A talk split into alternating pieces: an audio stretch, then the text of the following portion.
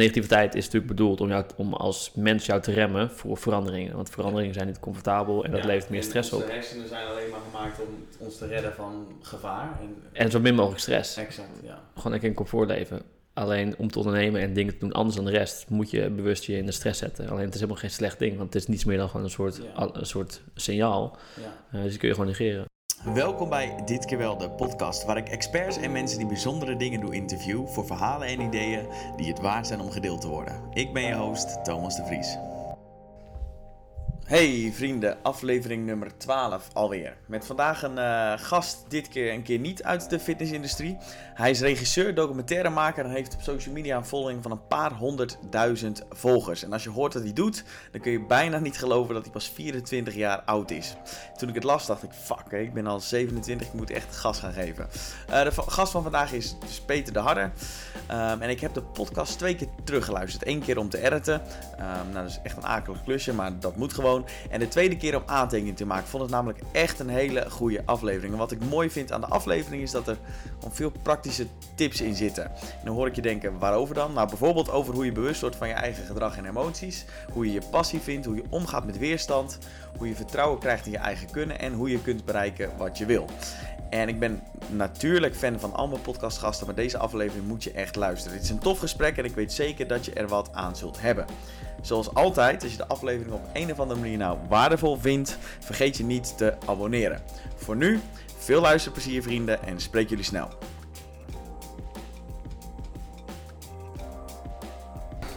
Zo, Peter. Ja, Thanks Thomas. dat je een oude moeder bent.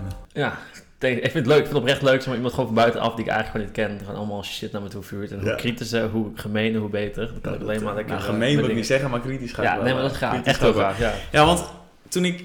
eh, ik ken je sinds de documentaire. Ja, je hebt een documentaire gemaakt waar je in drie maanden onderbroekenmodel ehm werd. Ja, zo. Ja, goede foto's. Je had wel onderbroekmodel? Ja. Je had alleen een onderbroek aan de foto. Ja.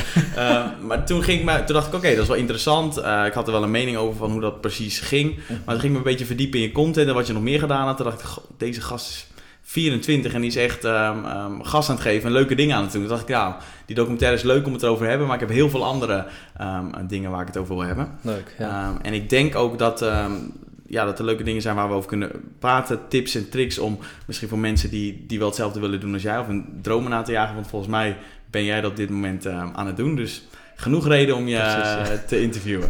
Ehm, ja, 24 jaar hè? ja, klopt, ja. Jong man. Ja, het kut is, maar ik zit in de business met nog jongere gasten. Mijn, mijn, mijn eh, collega, zeg maar, of Kelvin van Calvin, Ja. ja, die is 21. Dus die eh, gaat helemaal nergens over. Die zit op het same level en die, die- en die zit ook harde shit, ja. Dan voel je je... Meteen al wel kut, ik ben alweer 24. 24. Ja, ik denk bij 27. God, ik ben oud man, ik moet gas geven. Dat deed iemand van 30 ook weer, ja. ja. Never ending story. ja. Ehm, hoe ben je begonnen? Of misschien beter vraag, wat doe je precies? Wat ik nu precies doe, het is echt een heel... Ik heb al mijn hele leven moeite om mijn uit te leggen. Eh, omdat het gewoon ontzettend veelzijdig is. Maar we zeggen altijd een beetje zo... Ja, Thomas drinkt spaarrood, dus als je gekke geluiden hoort, dan is het... eh, ik, ik hou van spaarrood, dus eh, dat mag. Ik dacht mooie visual effect. Ja. Eh, ik ben... eh, ehm, ik zie mezelf eigenlijk als soort videoproducent. Ja.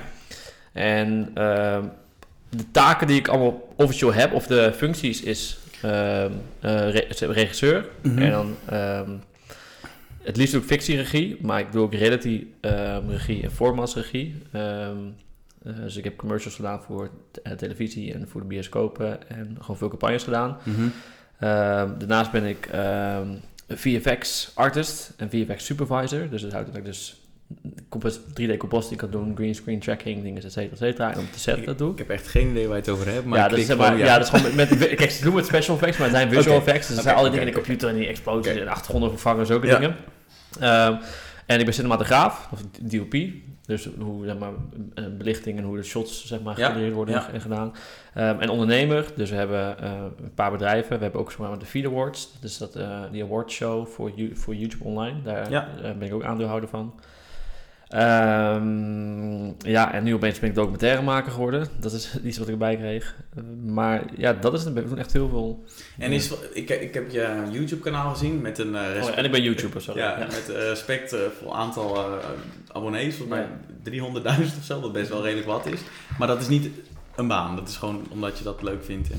Nou kijk, eerst is het begonnen met YouTube. Is, hebben we een publiek ehm, ehm, gekregen door gewoon eh, high quality video's. C- Cinemates ik eerst. Ja. Nog steeds trouwens wel, maar onder andere soort voorwaarden.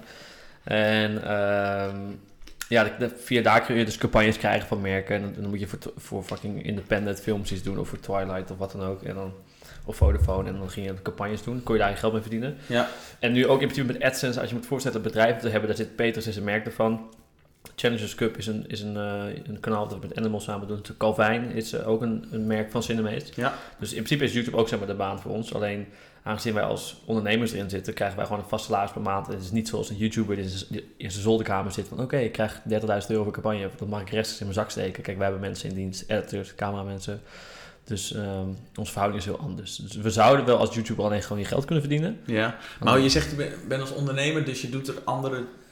Ja, het is zo, denk ik, heel veel, YouTube, nou, veel YouTubers zijn echt gewoon freelancers. Individuen, Ja, en die hebben echt gewoon, die krijgen gewoon een handje contantje en die hebben weinig eh, kosten, maar wij hebben gewoon een kantoor en we hebben gewoon een beetje mensen in dienst. En wij doen meerdere projecten, wij produceren ook en verkopen formats en zulke dingen. Dus we zijn niet eh, echt YouTuber. YouTuber is een van de functies eigenlijk. Ja, ja. Oké. Hoe ben je begonnen? Voor de leuk, ja, ik kom uit Groningen en daar eh, was er echt niks te doen. Ik wou alle dingen die ik wou doen. ik was zeg maar eerst, ik wou skateboarden, ik wou freerunnen, maar die shit had je allemaal niet. En- Box of hoogspringen? Op, hoe heet dat met zo'n op Ja, sloot? ja, maar dat, dat is vier, Oh, maar, oh, maar, vier. maar, maar dat, is, dat is Fries. Dat, voor mij is dat Fries. Dat is Fries, dat maakt niet uit. Ik weet de dingen ook niet goed. Oké. ja. Ehm, maar ehm, ja, en ik had wel een camera met mijn vader, die een klein cameraatje. En dat vond ik gewoon heel interessant. En het was iets van, ik zag epische films, ik wou gewoon die coole guy zijn in de film. Nou, dan ging ik gewoon films maken. En omdat ik zelf die fantasiefilms meer sci-fi films zou maken, leerde ik mezelf dus ook die visual effects, dus die, weet je, eh, achtergronden maken van een, dat je een kasteel in de verte zag of zulke dingen. Ja. Dat vond ik gewoon heel vet. En eh, toen met per toeval is het een beetje het begonnen in Nederland. En toen zijn we erbij betrokken geraakt. We waren echt, echt de eerste YouTubers eigenlijk. Ehm, toen was het een groep van Echt de tien. eerste? Nou, echt niet echt de eerste, kan ik niet, durf ik niet zeggen. Maar laat zeggen, het was het eerste groepje van tien YouTubers. Oké. Dus dan moest je ook echt nog naar het YouTube hoofdkantoor om daar een contract te ondertekenen. Nu ben je een YouTube partner. Echt gewoon daar naartoe. Oké. Nu is het gewoon, je meldt je aan en als je zeg maar zoveel ding, ben je partner. Maar Ja. dat was toen echt, moest je gewoon fysiek daarheen een contract ondertekenen. Toen hebben we de allereerste betaalde campagne gedaan. Waar we? Welk jaar praten we over? 2010 of zo. Oké. 2009, 2010. Dus toen was je het ze- 17, 16, Zo, 17. ja, sowieso. Ehm, en eh, vandaar is het gewoon doorgerold. En we hebben veel kansen gehad, veel mooie dingen mogen doen. Commercials mogen maken, series mo- mogen maken, formats. En dan leer je gewoon heel veel shit. Ja, Maar het was dus vanuit een passie voor video. ja zo. klopt, ja. Wat je, Zeker. wat is je favoriete film? Eh, ik heb niet echt een favoriete film, het verandert steeds. Alleen de reden waarom ik ben begonnen met filmen is door Lord of the Rings. Door die trilogie. Zo gruwelijk. Dus dat, ja, Je hebt ook een keer of twintig gezien. ja, precies. Ja. Dus dat is ook echt gewoon de, de, de, de spark. eh, ja, hoe light het mij, wat zeg je? Hoe die, mijn hart en vuur en vlam film. Wel Nederlands. ja, ja. De spark die Ja, eh ja. vuur en vlam eh, heeft gemaakt of zoiets. Nederland is zo'n klote taal eigenlijk. Ja. In het. Engels klinkt alles zoveel beter, hè? Ja, echt. Ja, maar goed, de Spark, die... die. Oké, en ik, ik heb veel van je eh, vlog gezien. Althans, veel, dus veel video's, maar ik heb er een aantal gezien. Mhm. Ehm, en ik ben niet helemaal thuis in de vloggenwereld, maar mijn beeld is een beetje dat het heel veel... Dat het niet veel diepgang heeft in veel gevallen. Dat mensen Ja. hun leven een beetje beschrijven. Bij jou lijkt dat anders. Ik heb de laatste video gezien van hoe vind je geluk in jezelf. Mhm. Hoe komt dat, die diepere ehm, laag erin? Ja, mijn, kijk, iedereen heeft natuurlijk een reden waarom zijn brein op een zekere manier ontwikkelt. Ehm, ik ben wel vrij zeker van dat ik zeg maar ADD heb. En dat is in het spectrum van autisme. En, en dat is waarschijnlijk in mijn jeugd... Mijn ouders zijn gescheiden toen ik drie was. Dus misschien door zeg maar, het aantal, eh, de hoogte stress... Of ehm, de dosering stress... Ja. heb ik zeg maar bepaalde pieken en dalen in mijn, in mijn spectrum, van mijn, spectrum van mijn brein eh, gekregen. Ja, ja. En mijn vader was ook heel erg koppig. Dus ik, heb ik moest leren om op de meest neutrale manier eh, iemand te leren benaderen. Oftewel dat je dus heel zelfbewust moet zijn en dus je emoties moet leren sturen. Dus door die eh, verhouding waarschijnlijk heb, ben ik nu gewoon altijd aan het nadenken en overanalyseer ik alles. Dus vroeger was het voor mij ook super moeilijk om sociaal te zijn. En nu heb ik zo van ontleed hoe sociaal zijn moet, eh, eh, hoe dat is. Dus letterlijk zeg maar naar lichaamstaal. je hoe niet doen. natuurlijk. Nee, dus dan, is het, dan, dan ga je zeg maar alle soort van hacken. Dan hack je het systeem. Oké, wat doen mensen? Hoe lachen ze? Hoe glimlachen ze? Wat betekent dit? Wat betekent dat? Dat, dat, dat. En dan vervolgens dan kun je jezelf maken tot de meest likable guy die er is. Want het is gewoon allemaal een soort van spel. Eh, want iedereen, als je al een hand geeft en je glimlacht, manipuleer je al. Dus iedereen manipuleert zijn hele leven.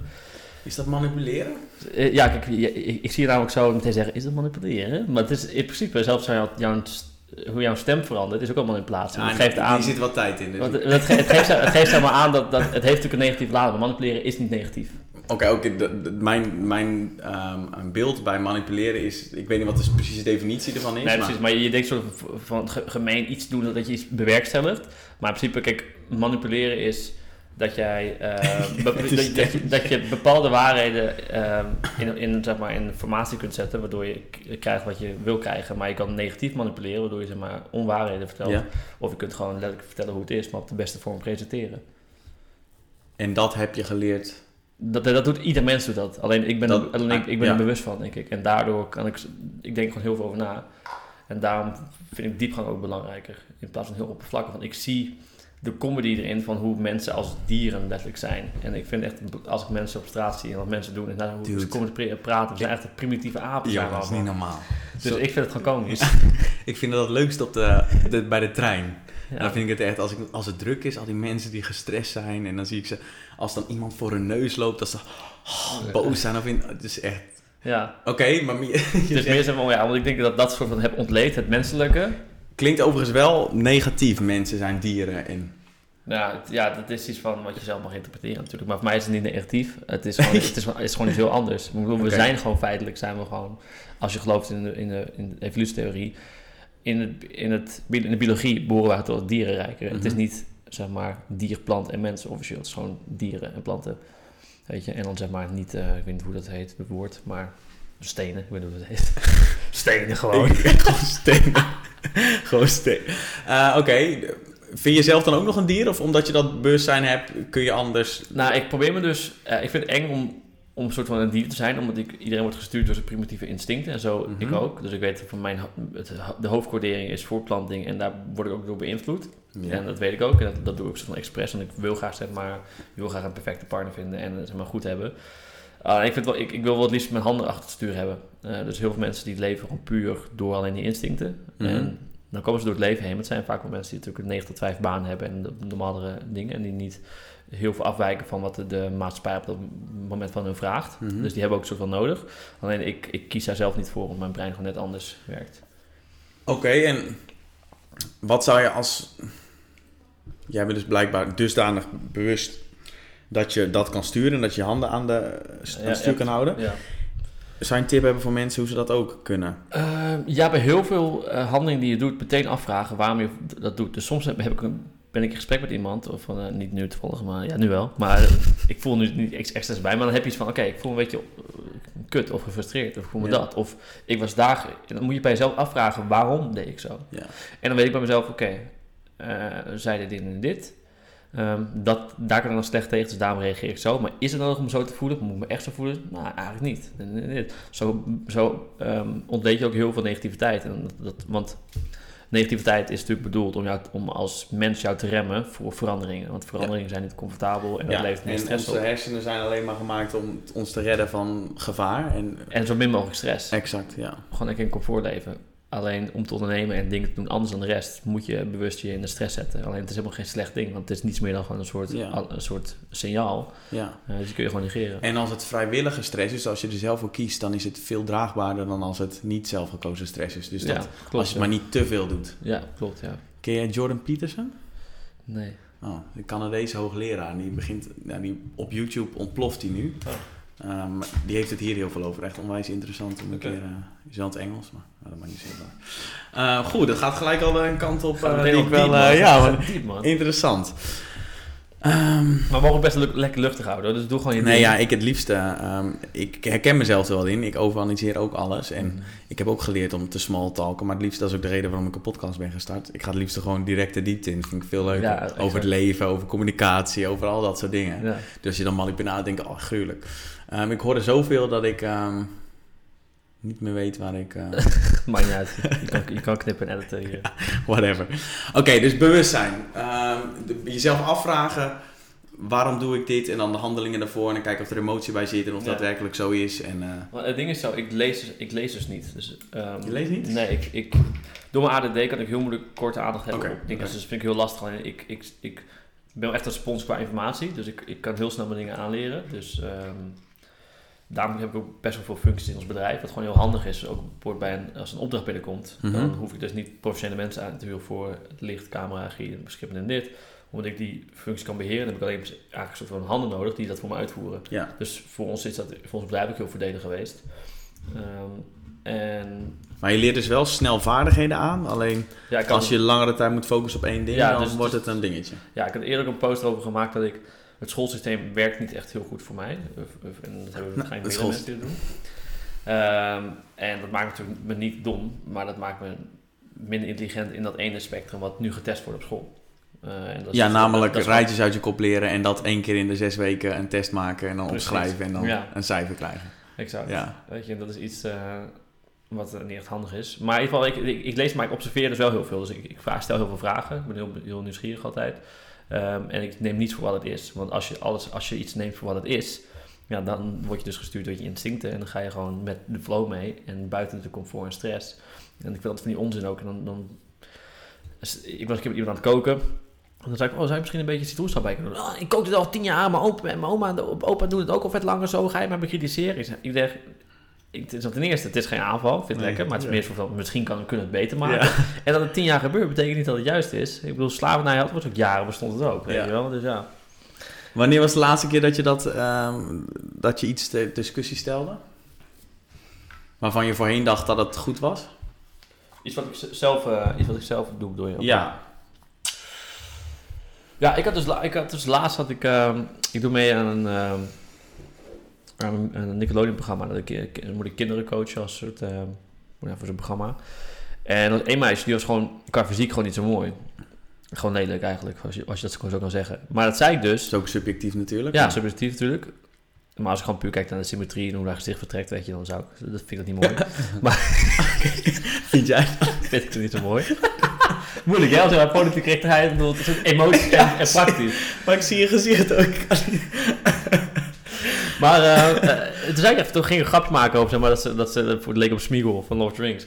Alleen, niet tegen haar, maar tegen een andere partij. Maar toen dacht ik ook van, Peter, wat een fucking klootzak ben je. Doe even fucking normaal. Wat maakt het uit? Dus hij heeft er niks... Ja. En ik weet het ook wel, maar toch, dan zie je dat ik toch heel, best wel gefixeerd ben op het uiterlijk, zoals best wel veel mensen. Ze zeggen natuurlijk wel van ja, op het Mhm. maar we worden zo gestuurd om te kijken naar ehm, optische prikkels. ja. Ehm, dus dat was iets dat ik ook dacht van, jou Peter, denk En over waarom maak je die opmerking dan? Want het is goed dat je dan eruit van... eh, Waarom geef je daar een oordeel over? Maar waarom maak je die opmerking? Ja, dat is gewoon om een grapje van te maken. En dan ben je een soort van grappig. Dan maak je een grappie. Over de rug van... eh, Over van anderen, ja. Ja. En dat is eigenlijk heel slecht. Maar natuurlijk, eh, eh, zeg maar, niet om ja, ik denk mezelf gedeeltelijk dan in. Maar heel veel mensen die doen het ook natuurlijk. En dat is Ja, normaal ding van, oh, die, oh, check die, die grote neus. Ja. eh, die. Alleen, het is gewoon eigenlijk wel akelig. En dat is ook iets wat ik dacht van, joh Peter, ik ben echt, ik was echt een beetje verdrietig om mezelf. Ik dacht, joh, waar, waar de fuck? Maar ja. En de conclusie was niet meer eh, over de rug van anderen. Of niet meer Ja, zeker, op uit- gewoon- basis van uiterlijk. 100%, ja. Ja. En ik, weet- ik wist het ook wel, en ik doe het ook eigenlijk nauwelijks. Maar op zo'n moment deed ik het even. En, toen voelde ik me echt heel schuldig. Ik dacht, joh, what the fuck? Fucking stom. En dat is dan weer dat bewust worden van... Oké, waarom zei ik dat eigenlijk? Hè? Waar komt het vandaan? Ik wilde grappig zijn, maar Ja, ten en- koste van iemand anders. En, En je, met, met, met- je meteen zelf, eh, jezelf meteen beteren, zeg maar. En, en niet denken van het is wat het is en is- ik doe alles perfect. Maar gewoon, ja. Ik denk ook hoe fucking veel dingen na, maar ik doe alsnog heel veel dingen verkeerd. En elke Ja. keer erkennen gewoon... Mensen kunnen zo moeilijk hun eigen fouten herkennen. ja. En ik, ik, ik, en ik snap niet waarom, waarom we dat doen. Want ik bedoel, als je gewoon zegt van dit was fout, ik, hoe kan ik het beter doen? Ja. Je ontwikkelt jezelf zoveel sneller en je wordt een beter mens. Je kan meer dingen bereiken. Ik Ja. denk ook dus nu, in de fase van mijn leven waar ik nu in zit, ehm, ben ik eh, in principe heel gelukkig. Ik, optimaal gelukkig is vaak moeilijk voor mij, omdat ik heel veel dingen in controle wil hebben. Dus ik weet dat ik eigenlijk door zeg maar, mezelf te ontwikkelen en in een bepaald spectrum intelligenter te worden, dat ik minder gelukkig ben. Omdat je te veel ehm, door hebt eigenlijk. ja, is nooit genoeg. Dat is nooit genoeg. Ja. Ehm, maar toch denk ik wel, van alle dingen die ik wil bereiken, kan ik bereiken. Ik heb, ik heb echt, echt sterk het gevoel dat alles wat ik nu zou willen, dat kan ik gewoon doen. En dat is gewoon omdat ik juist bewust ben van mezelf. awesome dat is? Ja, maar Dat is, vertrouwen. Ja, maar in principe is het ook echt zo. Als ik kijk naar eh, de dingen die ik nu heb gedaan en alle stappen die ik heb gezet, zijn niet geweest om een soort van Geluk. aankomen maar Geen Ja. geluk, weet je, dat ook wel een soort van timing en wat dan ook. Maar ook als ik kijk naar video's die zeg maar weinig views hebben, de, Kelvin ik zitten allebei zo erin. Bij heel veel weet ik, die hadden maar 20 tot, 20 tot 50.000 views. Ja. En die gaat zoveel views halen. Dus we zijn zo in controle met wat ongeveer de output Jij gaat wist zijn. al, oké, dus jij wist van tevoren al, ehm, of het een goede video ging worden of niet. Ja, dus met, met heel veel van die vlogs weet ik, oké, dat is van 20 tot 50.000 views, maar dat is een beetje een soort van brandbuilding voor het kleine publiek. Nou, ik ga dus nu een, een, een format releasen, die komt volgende week online. Eh, dan weet ik ook van, nou, die had minimaal 100.000 views. En andere video's, nou, die gaan maar 15.000 views hadden. Dus je, bent heel bewust op heel veel dingen. En ook als ik kijk naar de kans met films en series en wat dan ook. Als je echt iets heel graag wil, kun je het gewoon doen. Want je hebt gewoon letterlijk... Kijk, mensen zeiden dan tegen mij... Ja, waarom heb je dan geen film met Leonardo DiCaprio? Ik zei, maar die, dat hoef ik niet te maken. Maar als ik echt zou willen, 100% zou ik alles ballen zetten om dat te fixen. Klaar. En dan gebeurt het gewoon. Ja? Ja, maar, het- maar, het- maar het- weet je, alles zit er maar... De positie waar we zitten is zo makkelijk qua contacten en, en dingen. We hebben ook een adviseur in, in LA zitten, die is gewoon... ehm, die doet ook de, de, daar de voices dus met um, Haley Stein- Steinfeld, Will.i.am, Justin Bieber, uh, Sam al die dingen. Oké. Dat is ook weer een lijntje dat super dichtbij. Dus uiteindelijk, als je echt eens wil, dan kun je overal Ja. wel iets vinden of, of doen. Waar komt dat vertrouwen vandaan? Want ik kan met zekerheid zeggen, en het geldt ook wel een beetje voor mezelf, ook wel vertrouwen, maar soms ook wel twijfel. Waar komt dat vertrouwen vandaan? Dat je, als jij een film met Leonardo DiCaprio wil maken, dat het je dan gaat lukken? Want ik zie je kijken en er zit geen twijfel in je ogen. Al- nee, nee, maar het is, het is heel vaak zeggen mensen, ik wil iets, maar Ja, wil, it, wil, 24. wil je dan iets 100%? Ja. In de positie waar ik nu zit, ben ik heel comfortabel. En ik heb al twee de kans gehad om een bioscoop te maken. We zijn gevraagd weer voor nog één. Ik denk van ja, ik weet niet of ik dat wil. Ehm Volgens wou ik een clip maken voor een, artiest die opkomend was. En dan stuur ik hem een DM en zeg van ja, ik wil het graag, maken. En ik heb het in dit, nou, dan gaan we dat doen. En ik denk dat het wel komt door... Ik ben ook wel sinds kort echt heel erg bewust van. Omdat ik meer kijk wat ik behalte en wat ik doe. Ehm, alleen ik zit dus nu best wel comfortabele state of mind eigenlijk. Dus je hebt ook mensen die graag miljonair willen worden. Dus als ik nu miljonair zou willen worden, ja, dan ik, kan ik miljonair worden. kan ik aandelen verkopen en dingen doen. Maar ik wil niet miljonair worden. Dat is niet een van de dingen die ik graag heb. Ehm, maar ik denk dat het probleem zit bij veel mensen dat ze toch eh, ni- niet in staat zijn om volledig te weten waar, waar, hun, waar hun focus op moet eh, zitten.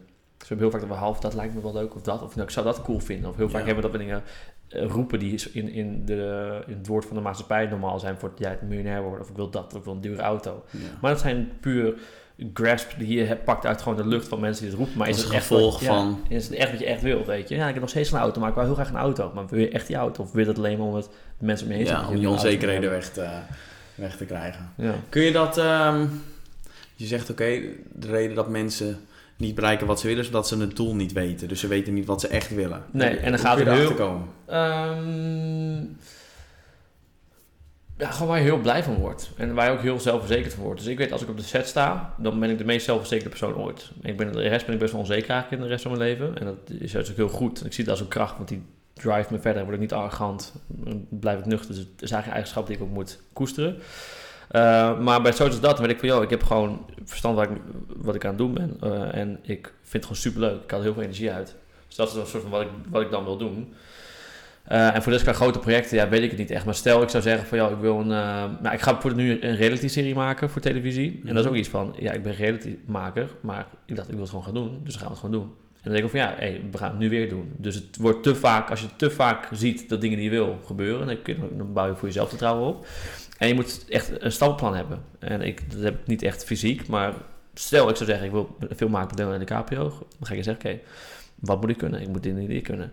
Ik moet grote namen hebben die belangrijk zijn. Nou, ik wil Rolf Dekens als een cameraman, bekend ook die in Amerika veel shots. Nou, die ken ik, heb ik één. Oké, okay, die, die gaan we doen. Dan gaan we bestaansgebied doen, gaan we een kleine video doen. Nou, dan gaan we dat doen. Dus per stap, per stap. En die denk ik, wil het morgen. En dan denk ik, oké, okay, wie zit in contact met Leonardo DiCaprio? Oké, okay, um, bij Nationale Postcode Loterij. Hij is hoofdsponsor van hun. Uh, die dame die ik ken, die heeft hem geboekt voor een event. Daar was ik ook bij. Dus hij heeft letterlijk rechtstreeks contact Volgens mij heb je er wel eens over nagedacht. Over nee, nu, sorry, nu, ja, nu, nu okay. verbinden. Nu denk ik van, joh, inderdaad, het is gewoon weer mogelijk. Maar het is gewoon wow. meer... Weet je, je moet per stap steeds gaan bekijken. Ik zit met open mond zit ik, uh, te luisteren. goed man. Oké, okay, dus je zegt... Um, dingen die je leuk vindt, die fucking leuk... Oké, okay, die heb ik vaker gehoord, maar dingen die je zelfvertrouwen geven, dat had ik nog nooit gehoord. Ja, want ik denk... Want je kan er ergens goed in zijn als je niet zeker weet of je ergens goed in bent. Je kunt nog één keer. Je kunt niet in iets goed zijn als je niet zeker weet of je er goed in bent. Dus je moet zelfvertrouwen hebben in het product. Ik bedoel, als jij een, als coach van de zijdag gaat staan, ja, um, pas die, uh, ja, wat is dat, een bal? Ja, pas die bal. Nee, je moet gewoon kaart, je, weet je, je moet weten, ja, ik, ben, ik, ik, ik voetbal zelf niet, ik heb geen idee. Ik, links, rechts, en in de basketbalbed doen. Oké, sla met de stok met die... Oké. Ik moet altijd lachen, ik heb wel gevoetbald. En dan bij de corners of zo, dan had je altijd een van die gasten. Ja. Die als, voordat de corner begon, jongens, werken, voetballen, doen. Allemaal van die lege Ja, ja, ja, ja, ja. Werken, doen, ja, kom op. Vechten. Wat zeg je? Strijden! Dit is gewoon puur techniek, meneer. Dit is gewoon puur techniek. Geef ons even de rust. Ja. En we doen het Rustig aan, goos. Ja, je moet gewoon weer eh, werken, man. Ja. Ehm, Oké, maar, maar ja, dat je gewoon ja, dat je zelfvertrouwen eh, hebt. Dat je gewoon zeker weet wat je aan het doen bent. En dat, moet, dat kun je alleen doen door het te doen. En vervolgens goed te kijken naar je, naar je eh, resultaten. En naar de reacties van anderen. Je kunt ook heel vaak je eigen percepties niet vertrouwen. Dan moet je kijken wat anderen leuk vinden. Ehm, bedoel- Oké, ik hoor je zeggen, je kunt je vaak je eigen perceptie niet vertrouwen. Nee, om het... Ja, Er emotie bij zit. Dus precies. dan want of je hebt arrogant. Ja, Dat was fucking goed, check dit. Of wat bij mij al vaak is van... Nou, ik weet niet. zo nice. En dan krijg je reacties van mensen, fucking goed. Ja, Dat en dan, moet je, en, dan neem je daar een soort van het, dat is op een gemiddelde uit of zo is. En na een tijd, ik, ik doe al echt al jaren en het voelde al- altijd alsof ik zeg maar, niet weet wat ik aan het doen ben. Maar denk van, yo, dan, moet ik echt, dan zie ik soms compilatie van dingen die we gedaan hebben. En denk van, yo, what the fuck, we hebben dingen voor shit gedaan, weet je wel. Oh ja, Ja. inderdaad, ik mag best wel trots op mezelf zijn. Ja. En, en dan denk ik van, oké, nou dan is dat soort maar gewoon goed. En dan ben ik goed in wat ik doe en ik word veel voor die dingen gevraagd. Dus ja, inderdaad, ik ben er gewoon goed in. En oké, en is dat zelfvertrouwen gekomen doordat je dus die feedback kreeg en steeds meer opdrachten? Of had je altijd al wel dat zelfvertrouwen in het regisseren? Eh, Of ik is had- dat gekomen door de feedback die je extern Door de kreeg? feedback kreeg ik echt die zelfvertrouwen in, in het werk zelf. Maar ik had altijd zelfvertrouwen in mezelf om wat, wat ik ging doen. Dus ook, ik werd nog bij school, of op de middelbare school. Eh, iedereen ging uit en ik ging lekker achter de computer mijn ding doen. Want ik wil gewoon shit leren en, en dingen doen. En ik had altijd iets van, joh, we gaan er gewoon heen. Dus ja, we gaan naar Amsterdam, want daar zijn we te vaak. En dan was Kelp nog wel van, mm, ik weet niet, moest ik hem overtuigen? Weet je, ik was meer de dromer en hij was meer een soort van de realist. Die Ja. altijd, niet altijd even goed was. Dus ik heb altijd vertrouwen gehad, dat het komt wel goed. Want ja, ik vind het zo zonde om, om een soort van ehm, dingen niet te proberen. Omdat je van bang bent of eng vindt. Maar dan is het typisch ding, je hebt maar één leven. Maar het is ook inderdaad zo. En ik denk van, joh, ik ben 24. Ik bedoel, jij zelfs ook, als je nu iets heel geks zou doen. Alsnog eh huilend bij je ouders thuis kunnen eh, ja. slapen en pitten. Ja. Er is bijna nooit iets echt aan de hand. Maar we hebben altijd het gevoel van, shit, Ja. dat aan de hand. Of die studio of iets. Nee, fuck die shit, weet je wel. Gewoon, Is dat denk je de grootste reden dat mensen niet doen wat ze doen? Dat is ook waarom ik je wilde interviewen. Omdat ik wel het idee heb, en dat doe je volgens mij ook, je dromen najagen. Mhm. En er zijn maar weinig mensen die dat daadwerkelijk doen. Ja, En is dat dan een manier, dus altijd bedenken dat er toch niet zo heel veel kan gebeuren. Dus wat is de worst case scenario en je gaat dood uiteindelijk, dus je hebt maar Ja. één kans. Ja, ja het is iets, ik denk dat mensen zijn gewoon, eh, gewoon te bang. En ik vind het niet erg, want dankzij die mensen is het voor mij des te makkelijk om alles te doen wat de fuck ik wil, bitch. Hey, thank you people! Ja, maar ik, ik, zeg wel expres met zo'n toon, want dan gaan mensen juist denken, oh shit, ik moet ook aan mijn ding. Want ik bedoel, ik, ik wil juist echt mensen inspireren om ook hun ding te doen. Maar inderdaad, in de werkelijkheid is het wel zo dat, ik, dat het voor mij makkelijk, het is voor mij zeg maar, Ja, natuurlijk, de concurrentie is gewoon... want er is er heel aan de weinig top is eh, weinig concurrentie. Ja. Ja. Nou, ik had wel toen ik je leeftijd zag, ik, godverdomme, ik moet gas geven. Dus, eh, ja, serieus. Hey, waar komt dan die, eh, die drang om mensen te inspireren vandaan? Ehm, ik, ja, ik ben, ik ben hoogsensitief, dus ik, ik merk heel snel zeg maar, de, de, energie tussen mensen en in groepen. Ehm, en het is ook allemaal termen die ik sinds, kort gehoord heb van mensen om me heen. En dat ik ging onderzoeken en ik, en ik allemaal termen, dus zo. Eh, maar, ehm, dus ik vind het heel, moe, ik vind het heel moeilijk om een, om een persoon te kwetsen of mensen iemand pijn te doen. Want ik weet zeg maar, hoe het gewoon voelt. Ik, kan, ik heb gewoon een heel goed inlevingsvermogen. Mhm. Ehm, dus ik wil ook heel graag dat mensen zich goed voelen. En ik, ik, ik, zie dat, ik vind het altijd kwalijk om te zien hoe mensen niet van hun werk houden. ehm, niet de juiste dingen doen. eh, niet de juiste relaties hebben. Of al, allerlei zulke dingen. Dus ik vind het gewoon akelig om te zien hoe mensen problemen hebben. Als ik denk van, dat hoeft niet. Oké, want dat voel je dan op het moment dat je met ze bent of ziet? Ja, precies. Ja. Oké. Nou, en met zo'n platform kan je dat natuurlijk. Is, dat is ook de reden waarschijnlijk dat je in je content ervoor kiest om ook wat diepere onderwerpen te bespreken. Zeker, ja. Ik was eerst met Cinemees heel veel entertainment. Heel veel leuke dingen gedaan. En, ehm, maar nooit echt dieper. Het was echt wel entertainment. En nu dacht ik van, joh, ik vind social media eigenlijk gewoon echt kut. Omdat het gewoon een neppe kut Ja, is. ik, dat idee krijg ik ook wel een beetje. Ja. Je hebt ook op YouTube geprobeerd echt te zijn op social media. Waarmee je dus eigenlijk zegt dat iedereen maar zijn echte, meest beste Ja. leventje op social media zit. En is dat de reden dat je het kut vindt? Of? Ja, ehm, omdat ik- het ding is van, ik ben een, zelfs ik ben relatief zelfbewust, als ik het van mezelf mag noemen, zeggen. Ja. Ehm, en ik word ook wel eens nog beïnvloed door die, die- dat schijnwereldje op Instagram of YouTube of wat dan ook. Ja. En, en, en moet je je voorstellen, mensen die niet zelfbewust zijn, en dat is niet erg trouwens, ik bedoel, het, is gewoon, het heeft tijd en ontwikkeling nodig. Ja. Dus voel je niet aangesproken als je niet zelfbewust bent. Waarschijnlijk je wel. aangesproken, want zijn we niet zelfbewust. Ja, ja. Is dat. Ehm, eh, maar dat heeft nog even ontwikkeling nodig, dus het komt wel vanzelf wel. Ja. Ehm, Als je gewoon de video's van eh, Peter kijkt. Dus bijvoorbeeld. Eh, dus ik kan me voorstellen hoeveel dat met je doet. En als, we, ehm, als ik de cijfers mag geloven, eh, is er een enorme stijging onder zelfdepressies, of eh, Ja, depressies, ja, Ja, ja. eh, zelfmoordneigingen. En ook als je kijkt naar botox en fillers onder jonge leeftijd en al die dingen. En plastische chirurgie. En dat zijn, dat zijn een soort van ontwikkelingen die ik zelf kwalijk vind. Omdat wij als onze generatie, ook van jouw leven, wij zijn verantwoordelijk omdat eh, wij creëren namelijk dat wereldje. Ja. En, en we, reden, we kijken niet vaak genoeg naar achteren, zeg maar. En dat is ook prima, je moet vooruit kijken. Alleen, ehm, kijk, jij en ik zitten, zitten in een generatie die voor de helft online en offline hebben meegemaakt. Dus wij kunnen een soort van nog een, een goede vergelijking maken. Als je rare Instagram sales chicks ziet met zijn milkshake en glimlachen, weet je van, ja, het is gewoon zo'n foto gemaakt en gedaan. ja, daar heeft ze drie uur over gedaan.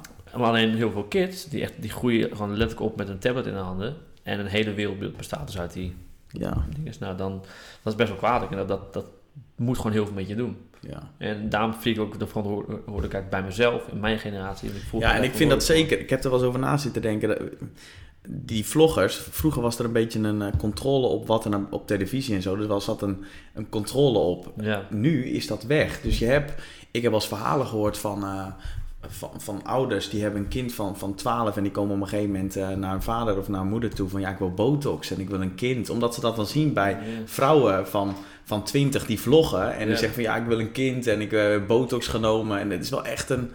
Maar ik vind wel grappig dat je zegt, ik vind social media eigenlijk kut. Ehm, ik vind het nep. En je profielfoto is de, de sixpack foto van je onderbroek. eh. zeker. Ja, maar dat is voor commerciële doeleinden. Ik zou, Oké. ik zou het eh, uitleggen. Ik, zou, ik wou een week meteen daarna al de foto verwijderen. Oké. En toen zei mijn management ook van, nee, laat maar staan, want ik, ga, ik breng een boek uit. En daar kunnen we het straks weer over hebben. Ehm, Gaan we het zeker over hebben. En ehm, dus vandaar, dus het moet soort van om mensen te laten linken, dat is natuurlijk psychologisch, Ja. aan dat beeld. Dus wanneer die, dat boek verschijnt, ligt die link closer. Maar geloof me dat ik echt, ik kan niet wachten tot die foto weggaat. Zeg maar. Oké. Want ik wil niet adverteren met dat, want dat is niet de boodschap die ik verkondig. En ik heb superleuke foto's ik gewoon aan het lachen ben en zo. En gewoon met, kle- met kleren aan. Maar dit heeft gewoon te maken totdat mijn boek uit is. Dus dat is gewoon, ja, commercieel. Commercieel. Nou goed, ik geloof het direct.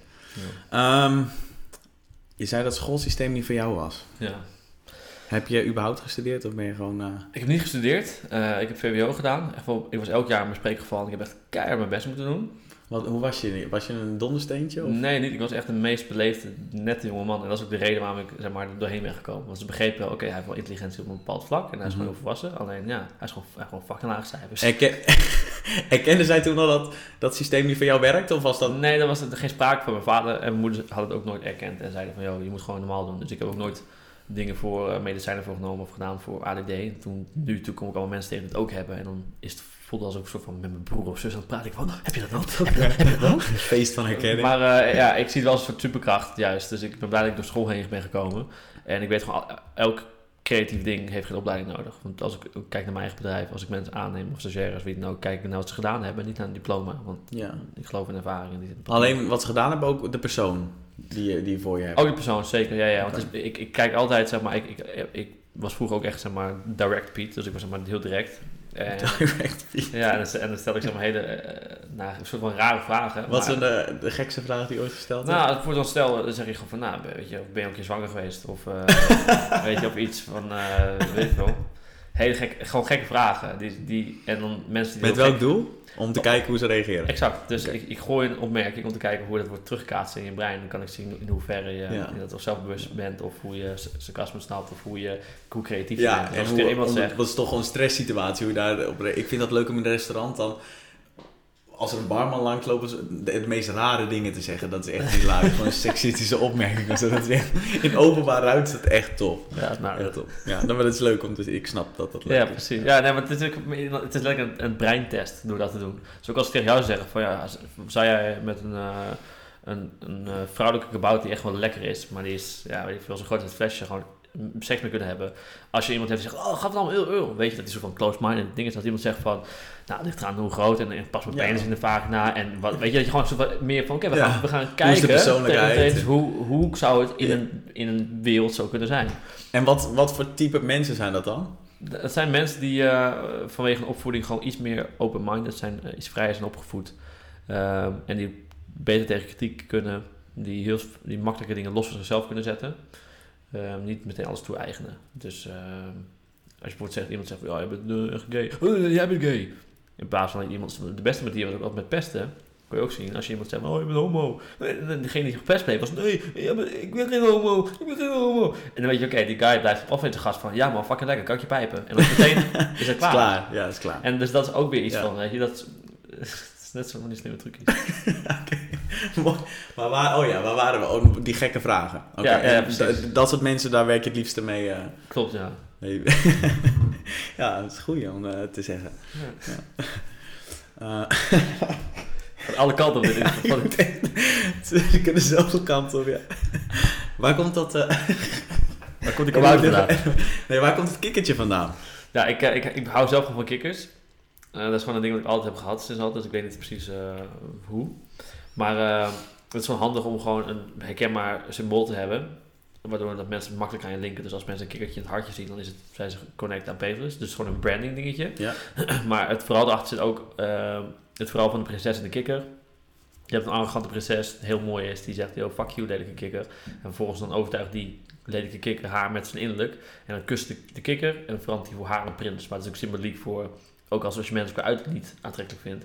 Als iemand gewoon heel mooi van binnen is, kan die voor jou als jouw prins of prinses zijn. dus dat is het, het, het, eh, gedachte. Leuk.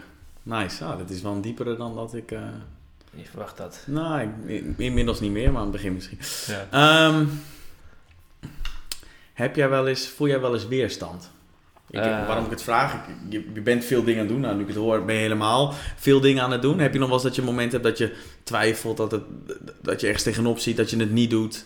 In Amerika noemen ze dat resistance. Ja, nou, mijn eigen, mijn, de enige resistant is mijzelf. En dat is ook weer zo'n cliché. Maar het is echt zo. Ik merk gisteren ook. ehm, eh, zeg maar, aangezien ik hoogsensitief ben, is het voor mij soms heel moeilijk om heel veel prikkels te krijgen. Dus heel veel dingen in één. En dan heb ik een soort van echt, ja, dan ben ik even echt heel afwezig. En ik vind ook vaak dingen, dat ik dingen eng vind om te doen. Dus voor, ik heb nu ook een klus gekregen voor een regieklus voor een videoclip van zo'n artiest. En dan denk ik ook van, ja, ik vind het super leuk om te doen. En ik kan het ook wel, maar ik denk een soort van bang om de mensen teleur te stellen van, kan ik die shots wel maken die ze nodig hebben? Of kan ik dat doen of dat doen? Dus het is constant mijn eigen onzekerheid, mijn angsten die me, die me tegenhouden. En daar moet ik heel bewust mee omgaan. Maar dat is wel, ik, ik noem het, ehm, mijn podcast dit keer wel de podcast. Ehm, enerzijds omdat ik ook een online fitnessbedrijfje heb waar ik mensen begeleid. Dus mijn belofte zit in de naam van, nou, dit, je hebt al veel geprobeerd, maar dit keer lukt het wel. Ja. Aan de andere kant, zeker bij de podcast, is het zo, iedere keer als ik iets nieuws probeer, dan heb ik ook altijd de twijfels. Zal het, zal het wel lukken? Toen ik je net hoorde praten, met zoveel vertrouwen van, nou, als ik een, een film wil maken met Leonardo DiCaprio, dan lukt me dat. Dan dacht ik, oké, heeft hij dat ook dan aan het begin als hij iets nieuws probeert, of het hem lukt, ja of nee? Ja. Maar dat heb je dus wel. Ja, het is, nou, het is van, als ik een idee heb wat ik graag wil. kijk, Het verschil is, ik krijg via daar krijg ik een opdracht, dus dan moet ik iets doen wat zij willen. Dus dan heb ik onzekerheid of ik aan hun verwachtingen kan voldoen. Maar als ik het eigen initiatief doe, en ik wil dat doen, ik noem als voorbeeld die reality-serie bijvoorbeeld, die ik nu ga doen. Ja, die heb ik gewoon, die heb ik nu gemaakt, daar is de pilot dus af. Ehm, ik denk van ja, dit gaat gewoon vaak goed komen. En daar heb ik echt wel vertrouwen in. Oké, dus het verschil is eigen initiatief of... Ja, van buitenaf, want van buitenaf is weer is- heb je weer een vergelijkingsfactor. En dan is het weer van oké, ga ik dus aan hun... En ook omdat er iemand over oordeelt? Of... Eh, Dat doet- Ja, is- in een zekere zin wel, maar het gaat er meer om dat iemand gewoon met iets, ja, iets wil en dan moet je daaraan voldoen. En dat is altijd moeilijk. Dat is soort van eng. Want zij zeggen, ja, we hebben, een van de weinigen die het kan doen en dat. En dan denk je, oh ja, nice, maar kan ik dat wel echt? Ja. Maar als ik het zelf doe, ja, eigen initiatief, ja, dan ga ik het gewoon doen. En dan maak ik het ook gewoon tot, tot het beste, beste product. Heb je daar tips voor? Hoe mensen dat kunnen krijgen bij zichzelf? Wat gewoon, Gewoon van, als ik iets wil, dan ga ik het regelen. Zijn plan... Pro- Probeer het Ehm, zo praktisch mogelijk te maken van mensen. Ik denk echt... Ja, ja kijk, het ding is het altijd is, is maar vertrouwen in jezelf, maar het is, ehm, je moet gewoon goed bewust zijn van alle mooie dingen die, je- die je om je heen hebt. En ik ben met die. Kansen zien of zo? Of? Nou, ja, kansen zien, maar ook gewoon daadwerkelijk naar ma- materialistische eh, dingen. Dus stel je zegt, ik wil een fucking feest maken, een groot feest op het strand. Nou, dan kijk, heb ik vrienden die echt gewoon speakers hebben. En mensen hebben dit en hebben dit en dit. Oké, nou, dus ik heb echt al die ingrediënten. Eh, Oké, ik moet marketing doen. Moet je niet zeg maar, oké, ik ga- nou, het gaat, het gaat... Kijk, je moet niet onrealistisch denken, oh, het gaat sowieso lukken. Want ja, ik ga gewoon een, een kaart verkopen op Facebook en klaar. Nee, maar je moet ook realistisch zijn. Oké, ik heb die marketing nodig. Oké, eh, wie is daar goed in? Ken ik mensen die erin zitten? Ken ik die niet? Altijd ken je wel iets of iemand of wat, weet je. Oh, misschien een influencer, oh, misschien kan die een promotie doen via dat of via dat, via dat. Dus ehm, weet dat alles wat je wil bereiken mogelijk is. Alleen je moet gewoon eerst realistisch alle middelen verzamelen om dat te kunnen doen. Dus met die reality-serie weet ik, ik heb die cameramensen, ik heb een contact die ik kan filmen. Ik heb een event dus ik wist al die, die, al die ingrediënten, ingrediënten had. Ik zou niet beginnen zonder dat ik al die dingen niet heb. En dus dan de eerste stap die je altijd doet, wie om me heen ken ik die me daarbij zou kunnen helpen als ik iets wil? Ja, dus zorg dat je alle dingen hebt. En dan heb je vertrouwen in, in je materiaal en in je, gewoon, nou ja, in, in je mensen. En dan weet je, dit gaan we gewoon fixen. Maar dan moeten nu al die stappen af. eh, Oké, ge- geldt dat hetzelfde voor iemand die niet een netwerk heeft als jij? Eh, ja, in principe exact Heb je dat, toen, toen je net begon, heb je dat ook zo gedaan? Dat Ja. wilde iets beginnen en dan ging om je heen en dan was het toevallig de lokale iemand in Groningen die... eh, Ja, nou, het was echt... Ik voor het eerste betaalde klus ik heb gedaan, was... Ik ging met een, eh, ehm, een buschauffeur op pad op de middelbare school. En eh, hij, had een eigen cd. En dat was een zingende buschauffeur. En ik zei van, ja, ik kan een clip maken. Nou, weet je. En dan ga je die ding maken. Ik wist gewoon, ik heb die camera. Ik kan dingen op die computer doen. Dus ik kan die dingen doen die ik ga doen. En heb ik hem gevraagd. Dan kreeg ik 500 euro voor. Dat ik, yo, what the fuck. Ik ga nooit mijn vakken vullen, man. Dus, en ik vind ook dat zo van cool. Omdat ehm, nu voelt het echt van heel zeg maar, bevo- bevoorrecht dat ik echt een supergoed netwerk en, en dat zeg maar eh, ben ik echt heel blij mee. Ik echt veel, letterlijk elk ding in de media of televisie, Actual Late Night, media, alles kunnen we gewoon met één ding kunnen we te pakken. En dat is geen moeite meer. Alleen, ik weet nog wel hoe het voor mij was toen ik ook zeg maar die mensen zag, zoals ik. Je, hoe de fuck kom je daar? Ik kom uit fucking Noord-Groningen, waar, waar niets of niemand iets met media deed. Hoe de fuck kom ik in Ja. Amsterdam nu ja. met al die mensen? Ja. Ja, en dat is gewoon, als je gewoon dingen maakt die mooi zijn en steeds met de goede mensen connect, gaat het vanzelf wel komen. En nu heb ik een makkelijker netwerk, wordt het makkelijker, maar dit heb ik allemaal wel verkregen door bewust daarmee aan de gang te gaan. ja. Het is niet van, oh, ik ben er nu, ik heb een tegengroot netwerk. Het is niet zo dat ik geboren ben, dat heb ik heel veel mensen in Amsterdam. Ehm, ja, mijn vader zit in die business en mijn vader is regisseur van dat en mijn moeder is producent van dat. En dan zit ze al, pam, hebben ze in één keer al die connecties. Maar wij waren echt zo van nobodies en naar dat. Dus ik weet ja. niet het voor maakt je ook extra trots. Dus je Ja. zegt ja, weet je wel, gewoon zelf geflikt. Overigens, jij was van alle mensen die ik eh, ehm, in geïnterviewd heb voor mijn podcast, was jij degene die het snelste reageerde. Oké. Dus het is ook nog eens, ik ervaar dat het vrij makkelijk is om mensen... Ja, dat is, is ook zo, maar je had gewoon zo'n verhaal. Ik dacht oh ja, ik, al vind het wel interessant. Ja, Ehm, ja, dat is gewoon simpel. En dat was gewoon met Dieder, die, die, die, die plant dan gewoon in, die doet de agenda, nou, dan is het gefixt. ja. Leuk man. Oké, dus om je heen. Het is wel een mooi inzicht. Gewoon kijken om je heen wie die erbij kan helpen. Ja, maar we hebben heel vaak echt eh oogkleppen op en denken van, kijk, ik moet dat wel, shit, hoe de fuck ga ik dat doen? Maar er zijn, van ons kent ons en je hebt overal contact en een dingetje, die zit echt wel ergens. Sowieso. Alleen Ja. ga gewoon aan de slag. Kijk, je moet gewoon nogmaals vertrouwen hebben in je materiaal. Dus als, je, als, je, als jij zegt, nou, ik wil een brillenwinkel starten. Wie ken ik die zeg maar een webshop kan bouwen? Wie ken ik dat in? Zorg dat je al die dingen realistisch Ja. hebt. Ja. En dat is niet zeggen, oh, ik heb dat niet, dan gaat niet lukken. Nee, dat heeft iets meer tijd nodig. Toen, ik, toen ik begon met ehm, ehm, mijn bedrijfje, toen ging ik website zelf zitten maken. Ja, oké. ja, ik heb ook ik heb ook mijn eigen webshop zelf gedaan. Jezus. Als ik dat nu terugkijk, dan zou ik dat echt nooit meer doen. Dat is echt, dat kunnen zoveel mensen. Dat kun je in een dag door iemand laten. Ik zat gewoon 2,5 week, zat ik gewoon iedere dag zat ik te Ja, maar zo gewoon. moet het, weet je. Je moet Ja, dan- je moet ook wel de sweat equity, dus Ja. je moet ook wel de uren maken. Maar als ik dat nu denk, denk je, oh gast. Maar om je heen kijken is echt wel nice. Gewoon, wie kunnen mij hierbij helpen? Ja, zouden... we vragen altijd veel te weinig. En we denken voor ons ook heel vaak bezwaard. om Waarom is dat? Ja, waarom is dat? Dat vind ik interessant. Want Ja. ik voel het bij mezelf ook. En als ik het dan doe, dan... 9 van de 10 keer, en dan zeggen ze natuurlijk, weet je wel, had het eerder Ja. gevraagd. Hoe komt dat? Nou, ik denk dat we uit beleid ons bezwaard voelen.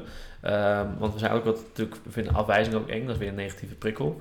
Ehm, maar eh, het blijkt heel vaak dat iemand het juist heel fijn vindt om eh, iemand van dienst te kunnen zijn. Dus als je zegt, hey Peter, kun je me hierbij helpen? Dan denk ik wel, tof dat ik je daarbij kan helpen. Geeft me ook een goed gevoel. Ja. Alleen we hebben toch zo van bang voor afwijzing of iets of zoiets. En denk ik van ja, ik moet het heel zelfstandig doen. En ehm, ik denk dat ook toch onbewust in deze maatschappij, hoe we opgevoed worden, eh, hulp vragen als een zwakte wordt gezien. En dat je heel veel dingen zelf moet fixen. Ja. En, eh, hoezo eh, moet je, heb je hulp nog bij die koffer? Neem je eentje, joh, mietje. In plaats van, joh, ik kan je maar even helpen met die koffer. Nee, het wordt heel snel meteen van, nee, eentje. Dat. Ja. Dus Zeker dat- dat- mannen die... Ja. eh, Dus dat zit, er, dat zit er denk ik ook best wel nog onbewust ook nog in. Dat, wat dat ook beïnvloedt. En hoe, heb je, hoe ben jij daar? Had je dat ook? Of eh, ehm, ben je altijd in staat geweest om hulp? Ja, ik vroeg echt eh, nooit hulp. Ehm, het was meer dat ik gewoon echt mooie dingen deed waardoor mensen naar mij toe kwamen. En ik, het, is echt, het is echt recentelijk pas dat ik dingen echt vraag. Dus, ehm, ja, dus ik heb al die gebieden qua eh, film. Dus qua, ik, heb, kan ook websites bouwen en webshops en computers eh, eh, maken en eh, weet je, belichting en VFX, al die dingen heb ik aangeleerd omdat ik dacht van ik wil onafhankelijk zijn van... van- Ja. en zeg maar, ik wil dat niemand mij Ja. ja, het is om alles. Ik, voor, ik, ik, maar ik doe ele- elektriciteit en ik bouw dingen en ik, in de klus ook. Dus van, ja, ik wil niet aan iemand anders moeten vragen om me te helpen. Dus daarom wil ik al die shit leren. Alleen nu weet ik gewoon echt, ik, en als mensen dat zeg maar nu van mij leren, hopelijk, dan scheelt het je echt jaren aan tijd. Want ook met die documentaire, met de hele PR en marketing, heb ik gewoon gevraagd van, joh, kun je me hiermee helpen of hiermee doen? En dan is er gewoon een heel plan wordt gedaan, heel ding. En tjut, tjut, tjut, tjut. Ook met die reality-serie ga ik wel echt met mensen op bezoek, en met mensen in gesprek en een ding aangaan. Waar kunnen we dat doen? Heb je contact via dat? Heb je daar, daar, daar, daar? En ik denk van, joh, alles gaat zo tering veel sneller dan voorheen. Ja, ja, ja. En ik denk van, en ik heb nu pas uitgevonden dat ik gewoon mensen shit kan vragen. Ja. Nu pas. Ja. ja. En, en, en, en er is letterlijk niemand die nee zegt. Maar zeggen van, ja, het is niet voor mij of wat dan ook. Maar het, weet je, Ja. dus dat is echt mijn aanrader voor. Ik hoop mensen die hier naar het luisteren ook van jou, doe het gewoon instant. Want ik heb het jaar niet gedaan en dat, daardoor kan ik heel veel dingen nu wel. Omdat ik gewoon, maar... ehm, Maar als heb- je ik- terugdenkt, had je misschien wel verder geweest Ja. dat je eerder om hulp had gevraagd. Precies, want ik heb nu, ik heb nu allemaal gespreide talenten. Of eh, dingen die ik toch, vakgebieden die ik toch niet allemaal meer Ja. beoefen. In plaats van echt in een rechte lijn. Pauw, Ja. Toen was ik misschien wel 21 nu. Dus had ik, eh, weet je. Leeftijd, who cares? Ja. Anders word ik gek. Dus ik moet het even zeggen. maar eh, ja, het is wel zo dat je, je kan natuurlijk wel, je, bent kwali, je kan ehm, ehm, de kwaliteit beoordelen omdat je het zelf ook kan. Dat, dat is het enige voordeel daaraan, denk ik. Ja. Om maar even positief te zien. Je hebt een video gemaakt laatst over eh, zo vind je geluk in jezelf. Ja. En op een gegeven moment zei je, puur geluk is verwijderd zijn van alles en alleen maar druk maken om wat ik zie en voel. ja. Ik- Hoe komt dat, denk je? Ehm, ja, ik zeg het in, in de video ook, maar ik, ik, ik kwam erachter de echte geluksmomentjes die ik heb. eh, is echt als ik op, eens een keer met een, eh, een buurvrouw van ons kantoor buiten sta en dan praten we over een super onnozel ding. En de zon schijnt, weet je. En dat had ik dus daar ook. En dat heb ik ook hier gehad. Dat ik gewoon aan tafel zat en gewoon met mensen aan het lachen was. Ik denk van, joh, als ehm, geluk is, is, is volledig comfort, en mentaal en fysiek. Ehm, en als je dus door ja, al die prikkels van social media en van heel veel mensen dan ook, dan zie je altijd wel dingen die niet kloppen. Dan heb je altijd dingen om na te denken. Het is altijd signalen om verbanden te leggen. Dus je, je brein heeft een soort van in werking. En het is een soort van, ik denk dat het heel comforting is om in een staat te zitten van dat je gewoon oké bent. En Ja. ja, toen ik het las en nu ik hoor praten, dan die, dat is gewoon mindfulness, namelijk in het nu zijn. Ja, Dat is in essentie wat het is. En ik probeer, nogmaals, we zei, ik zei net al dat ik zelfontwikkeling een beetje cool wil maken. En een, daarvan, een van die dingen is mediteren. Dat doe ik al vijf jaar, dat heeft mijn hele leven veranderd. ja. Mediteer je wel eens? Of Nou, ik, heb, net- ik, nou, ik heb wel eens geprobeerd. Alleen ik ben nog, nog te ongeduldig. Dus ik, ga het wel, ik, ik wil het echt proberen. Want Maar wat, wat je nu zegt, volgens mij die ultieme momenten in de zon, dat je lichamelijk en mentaal, Ja. zei je, dat je dan... Dat, oké bent, ja. dat je niet constant die, die gedachten hebt van, oh wat is er allemaal niet goed, dat die, al die prikkels die je van buitenaf krijgt. ja. Volgens mij is dat gewoon mindfulness, in het nu zijn. Ja, we beseffen ja, het ding is, nou, ik, is. ik, ik lees eh, nauwelijks, dus ik geloof Ja. je 100% en ik ben blij dat je me ook shit leert, maar Ja, in het nu zijn. Ja, chill. Goed. Maar dat, ehm, oké. En er zijn er manieren hoe je dat kan, ehm, nou, oproepen wil ik niet zeggen, maar kun je de randvoorwaarden creëren of gebeurt het gewoon en dan besef je het? nou, het, is wel, het, ge- het gebeurt gewoon, maar je kan, ik, ik geloof dat je alles kunt beïnvloeden. Ehm, ik denk dat in het mediteren gewoon een hele goede is. Eh, want je moet, je moet gewoon bewust je, soort van, je, je gedachten een soort van uitschakelen. Niet helemaal uitschakelen, Dude, maar... Het is zo moeilijk. Ja, maar ik denk dat dat een van de manieren is. Want ik merk ook bij mezelf, van, ik krijg, nu krijg ik een soort van sporadisch zo'n geluksmomentje, echt geluksmomentje. Ja. Ehm, en ik merk van mezelf ook uit het lui uit dat ik nog niet zin heb om dat moment kunstmatig te creëren. En ik weet dat het kan, want dat doe je met meditatie eigenlijk. ja. Ehm, maar daar zit ik zelf nog niet op. Nee, nee. Ja, ik heb echt momenten gehad, dat had ik 15 minuten op mijn bank te mediteren. En daarna, als er nu een bom valt, dan uh, no worries. Geen last. Ja, dat is perfect. Dat is echt, echt top. En was Echt ook een ding in dat mediteren ook echt. Kijk, ehm, zo'n onder, onder, noem je dat? Onbesproken ding is. Ja, ja, het is gewoon nog niet... Mainstream. Nee, het begint wel mainstream te worden. Het wordt ook een beetje een hip dingetje. Ja. Maar je gedachten een beetje uitschakelen en je, je emoties kunnen observeren en niet vanuit je emotie handelen, dat is echt huge. Dat is echt zo. Maar goed, dat is. het zal wel. eh, Ja. jij moet het ook maar gaan doen. Dat is een goede. Voor de jongere generatie. Ehm, ja, je hebt het ook over arrogantie en dat je het hebt kunnen corrigeren. Mhm. Ehm, je, was, je hebt het net ook al genoemd dat je, dat je zelfbewust bent of in sommige zicht op onzeker. Dus dat je daardoor dat het je een beetje nederig houdt. Maar je hebt ook momenten gehad dat je wel een beetje arrogant bent. Ja, ik heb een periode gehad echt aan- toen ik 15 was, 15, 16. Toen een beetje, eh, toen waren we de eerste YouTubes op televisie, heel veel aandacht en zo. En dan had je ook, waren die fans, ja, allemaal meiden voor je deur en allemaal posten en dingen en zo. Oh ja? Dus ja, Ja, is echt. wat lachen. Ja, Dus dan word je ook een beetje dus als, als iedereen zegt dat je geweldig bent, dan ga je na, na een tijdje Ga je er denken... geloven. Zeker Ja. als je 15 bent. Volgens mij ben ik ook geweldig. Kom maar hier met die chicks. maar, eh, sorry dat je water aan het drinken bent. Eh, maar ja, het is, eh, dat, op een gegeven moment was het ook gewoon toen eh, uit met mijn vriendinnetje gegaan. En toen ben ik daardoor echt helemaal heartbroken geweest. En ik heb me met beide voeten op, eh, op, op de grond gezet. En Kelvin ook. En sindsdien zijn we zeg maar, nooit meer te beïnvloeden. En dat vind ik mezelf nooit meer geweldig. Dus dat is gewoon top.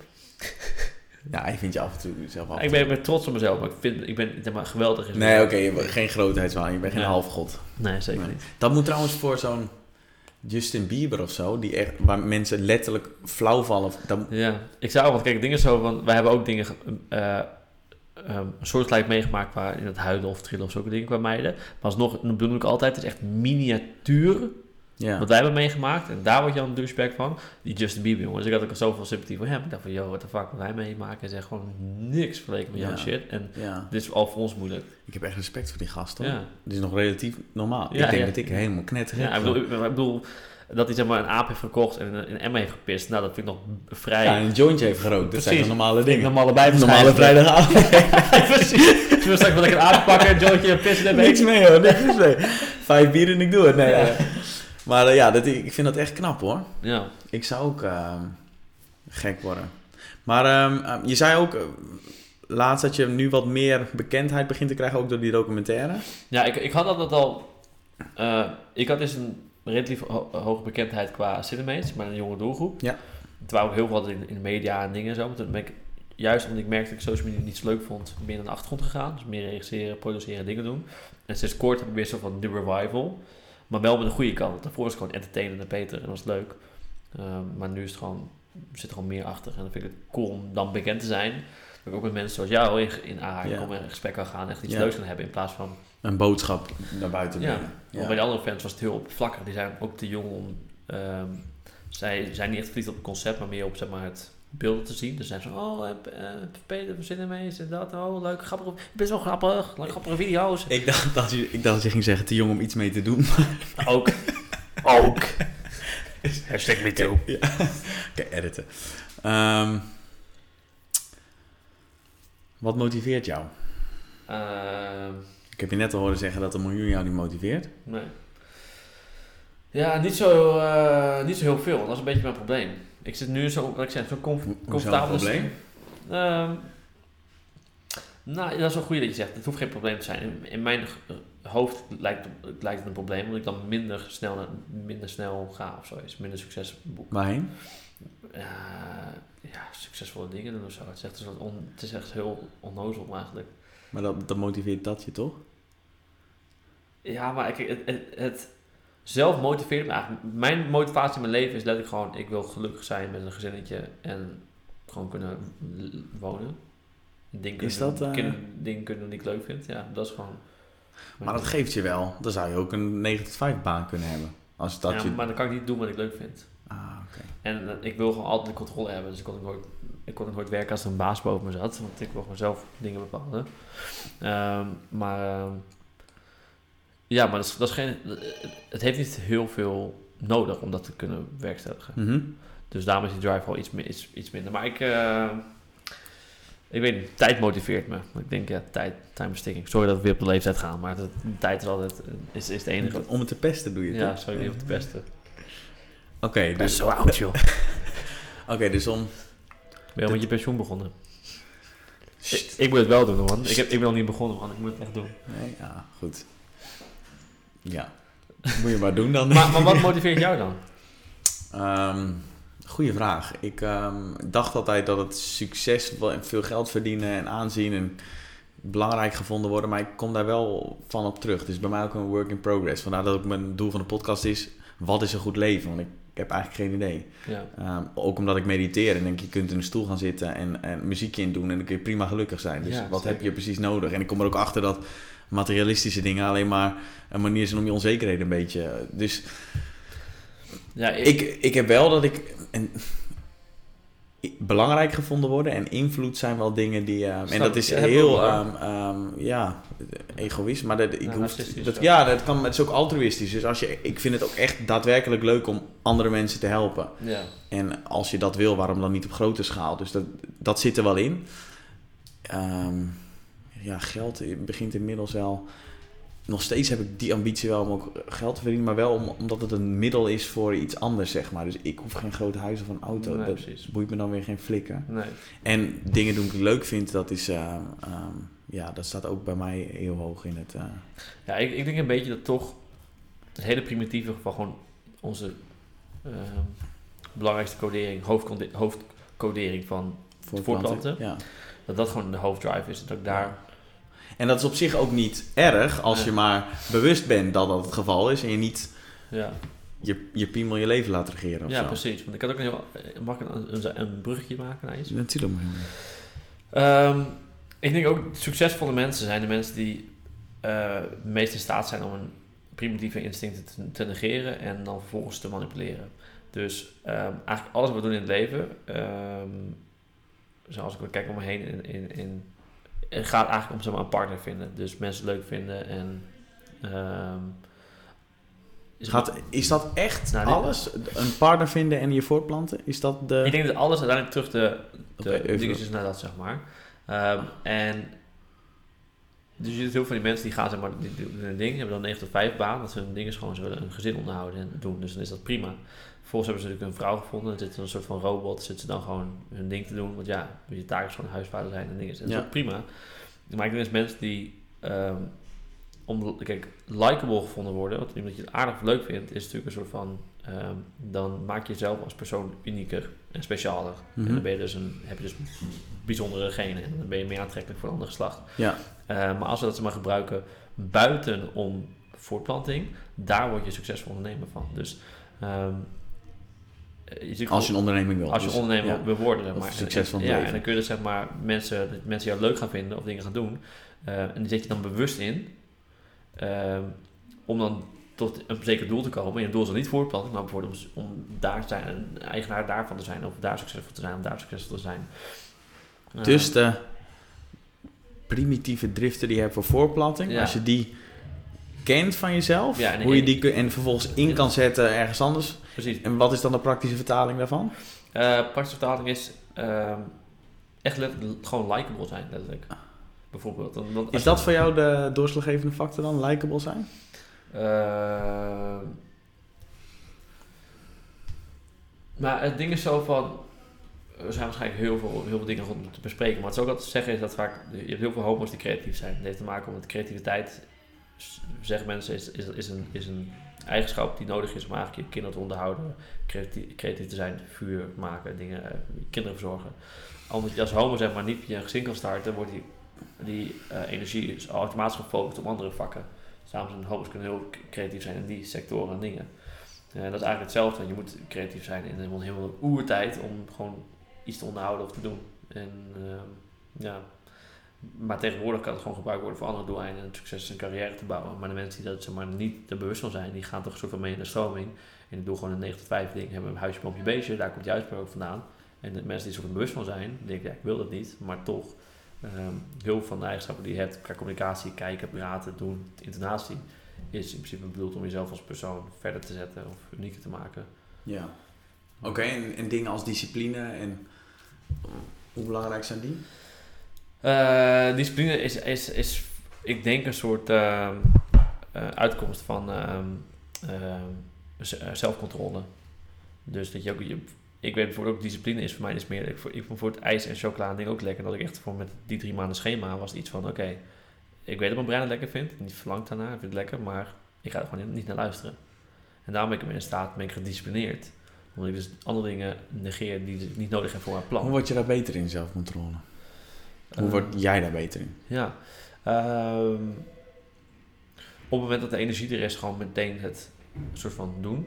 Dus ik, ik ben bijvoorbeeld ook geen, totaal geen voorstander van goede voornemens. Want dat betekent dat je het voornemen hebt om iets te doen. In plaats van als je nu voelt, ik ga het nu stoppen, dan- dan ga je het nu zeg maar doen.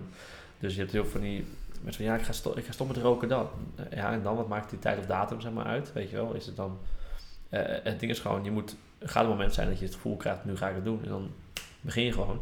En ik heb nog, nooit- nog nooit meegemaakt dat het toevallig net zeg maar om 12 uur s'nachts is op eh 1 januari. Zeg maar. Dus ehm, Mee eens. ja. Maar hoe, hoe je voor je kun je, zeg maar, ik weet ook niet hoe je het echt kan, kan doen. Ik heb met toeval hoe mijn brein is, heb ik een hyperfocus. Dan kan ik heel veel op iets één ding focussen. Ehm, Dat zie ik steeds, eh, dat hoor ik steeds vaker, man. Ik heb daar moeite, ik ben wel snel afgeleid. mhm. Dat gaat steeds beter, maar ik hoor van veel mensen die hyperfocus ergens in hebben, daar zit een correlatie tussen dat, dat kunnen, dat kunnen en, en, en succes op wat voor manier dan ook. Ja, omdat je gewoon iets kan, vast kan bijten. Kan ik wel nadelig zijn. Ik, ik heb voor drie jaar terug heb ik, eh wou ik ook een soort van gespieder worden. En toen dacht ik, oké, ik ga het doen. Toen heb ik gewoon via apps en ken het via internet shit opgezocht. Op een gegeven moment zat ik echt gewoon, voor maandenlang zat ik op 980 calorieën per dag. Ik, ik, elke, dag Jezus elke dag liep ik eh 8 kilometer hard en drie keer per week anderhalf uur sporten. En ik had alleen maar koolhydraten, want ik, ik had geen idee van de macro's, eiwitdinges. En ik ging echt gewoon, ik, was, ik ben nu 75 kilo, terwijl ik 61 kilo woog toen. Mhm. En ik was gewoon helemaal mijn eigen spieren opgegeten toen. Ik had gewoon geen idee. Ik was gewoon echt voelde al aanwezig. En ik dacht gewoon, Ja. ik zie meer definitie, maar ik was gewoon dunner. Mijn zelfbeeld was een beetje, zo- was echt een soort mannelijke vorm van anorexia. Ja, ook je hebt te weinig eten, dus je zal licht ontvlambaar zijn geweest, je zag En ik was echt En, helemaal downhill depressief. Ja. eh, omdat je brein alle dingen kreeg. Maar dat is dus ook die hyperfocus. Dus ik had niet de juiste kennis voorhanden. ja. Zou je dat nu weer op dezelfde manier doen? Dus kennis van anderen vergaren, kijken wie er verstand van heeft en vervolgens dat dan doen? Zeker. Ja, dus, dus om over mijn boek te hebben. Want het was helemaal heel tegenstrijdig. Want ik wil juist zeggen, doe het soort van niet. Ja, daar, daar- laten we het daar even Ja, over hebben. Want hebben we, ja. de, ik, toen ik de documentaire zag, toen dacht ik... Oké, je wa- op het moment dat je die ehm, shoot had, toen zei je van ja, ik ben ongelukkig en dit is helemaal niet het beeld wat ik... eh, boeit me geen reet en het maakt me geen enkele eh, seconde gelukkiger. En toen dacht ik, er hangt best wel een stigma rondom eh, aan je lichaam werken en krachttraining. En dat het allemaal zwart-wit is, zwart-wit is, heel extreem. Mensen zeggen tegen mij van ja, huh, eet je dat wel? Drink je een biertje of doe je al die dingen? Dus het, is, het beeld is heel erg zwart-wit, dat het alles of niets is. Terwijl je kunt ook een prima lichaam hebben en ook gewoon genieten van het leven. En als je die documentaire draagt in die zin niet bij, of die draagt juist bij aan het stigma wat er eh, hangt rondom zeg maar, werken aan jezelf, namelijk dat zwart of witte. Ja. Had je daar van tevoren over nagedacht? Nee, ik had niet goed, goed over nagedacht. Oké. Nu moet ik voorstellen dat ik, dat ik in... Ik was er twee maanden bezig en toen besloot ik pas een documentaire over te maken. Oké. Dus ik had heel veel kennis had ik zeg maar eigenlijk eh, niet goed paraat. Maar ehm, kijk, een documentaire blijkt in een zekere vorm ook een soort van fictie te zijn. Dus je stuurt het een kant op. Mhm. En ik wou met een extreem voorbeeld een vergelijking maken. Mhm. net zo wat ik ook had kunnen doen. Mhm. Ik had een foto kunnen maken langs het kanaal met een pizza in mijn mond en zeggen: Oh, ik ben zo blij. Dan zeg ik: Ja, maar echt was ik helemaal niet blij. Nee. Had ik ook kunnen doen. Maar ik wil, eh, soms hebben mensen gewoon een extreem voorbeeld nodig om, om dat, be- dat het binnen, beter eh, binnen, eh, binnenkomt. Ja. Ehm, ik kreeg natuurlijk ook kritiek van fitnessgasten. Ja, en eh, je doet veel te overdreven en zwaar, wat dan ook een dingetje. Ehm, dus door muziek en voice-over alles kun je natuurlijk alles De emotie, De emotie versterken. versterken. Ja. maar wat wel, wat voor mij wel een ding is, is uh, mijn trainer heeft me ook van die, ook echt onderboekmodellen en, en, en voor competitie, die laatste twee weken van helemaal droog worden, dat was het enige wat wel echt heel, dat was echt het moeilijkste wat ik over heb gedaan. Ja. En dat is iets wat iedereen, zeg maar, ik bedoel, je kan het wel zeggen, die spieren die ik dan heb, kan je ook in zes jaar opbouwen, in Mhm. drie jaar opbouwen, maar de Mhm. laatste twee weken moet iedereen meemaken van als je competitie doet, Ja. of denk dat is iets van ja, maar mensen gingen dan, omdat die hele documentaire heel snel naar die laatste twee weken gaat, hebben mensen het gevoel dat ik die twee laatste twee weken de hele documentaire bedoel. Maar in de beginperiode, prima man. Ik, ik bedoel, als ik, Maar ja, boodschap is wel eh, duidelijk. Het is heel extreem en ik was niet gelukkig. En ja, kijk, als, en als ik kijk naar je publiek, dat is denk ik nog jonger, zeg maar een jongere categorie. Nou, het, het valt relatief mee, zeg maar ik zit echt wel eh, veel ik heb, ik heb nu Wat de gemiddelde leeftijd? Ja, analytisch kan ik altijd geloven, maar het is zo'n... Ik, ja, ik zal het, ik het bijpakken. Maar laten we zeggen, het is niet jonger dan vijf, ouder dan 25, toch? Oh, ja, ik heb echt vaak van 25 dus. Weet je hoe dat komt? Dat komt dus zeg maar omdat ik allemaal van die homomannen hebben die me leuk vinden. Kan ik me voorstellen, Peter. Oké, ehm, ik heb eh 27% 13 tot 17, Ja? 42% 18 tot 24 en de rest is allemaal erboven. Oh, oké, ouder. Maakt niet uit. Maakt niet uit. Laten we, laten we Maar, de leeftijd ja, los. precies. Als iemand wil beginnen aan zo'n poging Mhm. en jij zegt van ja, extreem en je brengt nu ook een boek, boek uit daarover, toch? Dus Met trainingsschema's Ja. en hoe je dat gedaan hebt. Ja. Ehm nodigt dat niet uit voor mensen ook om heel zwart-wit te gaan denken en dat heel extreem te gaan doen in plaats van die balans te vinden en ook af en toe het weekend nog. ja, dus juist wat ik heb, wat ik, de reden waarom ik die boeken uitbrengen is ehm één, één vraag en waardoor ik ook geld kan verdienen. Ja, En het tweede is wel dat ik, dat ik wel op, eh, het oprechte fijne gedachten vind om goede handvaten te bieden. Want wat ik namelijk kreeg, ik kreeg echt, ik heb echt honderden, want duizenden aanvragen gekregen, voedingsschema's en trainingsschema's. En ik inspireerde juist fucking veel mensen. En ik dacht van, hè, maar dat was niet, Ja. niet, niet mijn doel. Maar eens had ik mensen die allemaal gingen doen, ja, ik ben ook eh eh, twaalf- twee keer per dag in de gym. hey, ik drink nu elke dag 10 liter water. Ik ga al mensen verkeerde shit doen. En toen dacht ik dus aan mezelf van, joh, ik heb dus ook iets situaties meegemaakt. Maar ik dus gewoon shit pakt van internet en dat ging doen. Ja, En toen dacht ik van ja, weet je, laat ik dan de kennis die voor mij nu heel normaal, normaal is, voor jou ook, zeg maar een boek maken. En in het boek gaat heel duidelijk, elke keer zeg, staat er weer dingen over hoe je goed van, eh, hoe je naar jezelf kijken in de spiegel. Het gaat over zelfreflectie, het gaat over zelfontwikkeling. Dus in plaats van een heel plat een boek van, oh, spieren, het gaat de hele constant over, waarom wil je dat eigenlijk wel? Spieren Nou, zijn het accessoires. spieren aspect perfect, want dat is het allerbelangrijkste. Dus dat Ja, doet mijn hart dan weer nee, maar dat, het, gaat- het, is, het is eigenlijk geen fitnessboek. Het is Maar doe je ook wel zeggen balans van jongens, eh, dit, of je dit moet willen en... Zeker, dat de hele, staat de hele tijd. Dus dat er aan het boek staat, in het, in het voorwoord staat zelfs, ik adviseer dit niemand. Ik raad het niemand aan. Dit nice. is niet gezellig, dit is niet leuk. Het is wel echt het meest eerlijke boek wat er is. Nice. Wat is, wat is belangrijker voor jou bij het boek? De boodschap naar buiten brengen of het geld verdienen? Ehm geld verdienen... Niet dat het nee, erg nee, is, hè, maar ik ben er niet nee, vind ik niet erg hoor. Ehm, ik zou het fijn zijn dat ik veel geld zou kunnen verdienen. Ja. Maar voor mij is het belangrijkste is... eh, het allereerste, niet geld verliezen. Mhm. Dus dat ene is kut, dan is eigenlijk geld verdienen het belangrijkste. Ja. Maar ik wil, ik, ik wil wel dat het gebeurt dat het echt een goede boodschap is. En ik vind het wel echt, het boek kost 25 euro en ik had ook zo'n boxshort erbij. En, en ik denk wel iets van, joh, het heeft mij letterlijk zoveel duizend euro's gekost in voorkennis en trainen en dit. Heel veel dingen die ik nu simpel neerzet, wat voor, voor, voor ons wat makkelijk is van die informatie.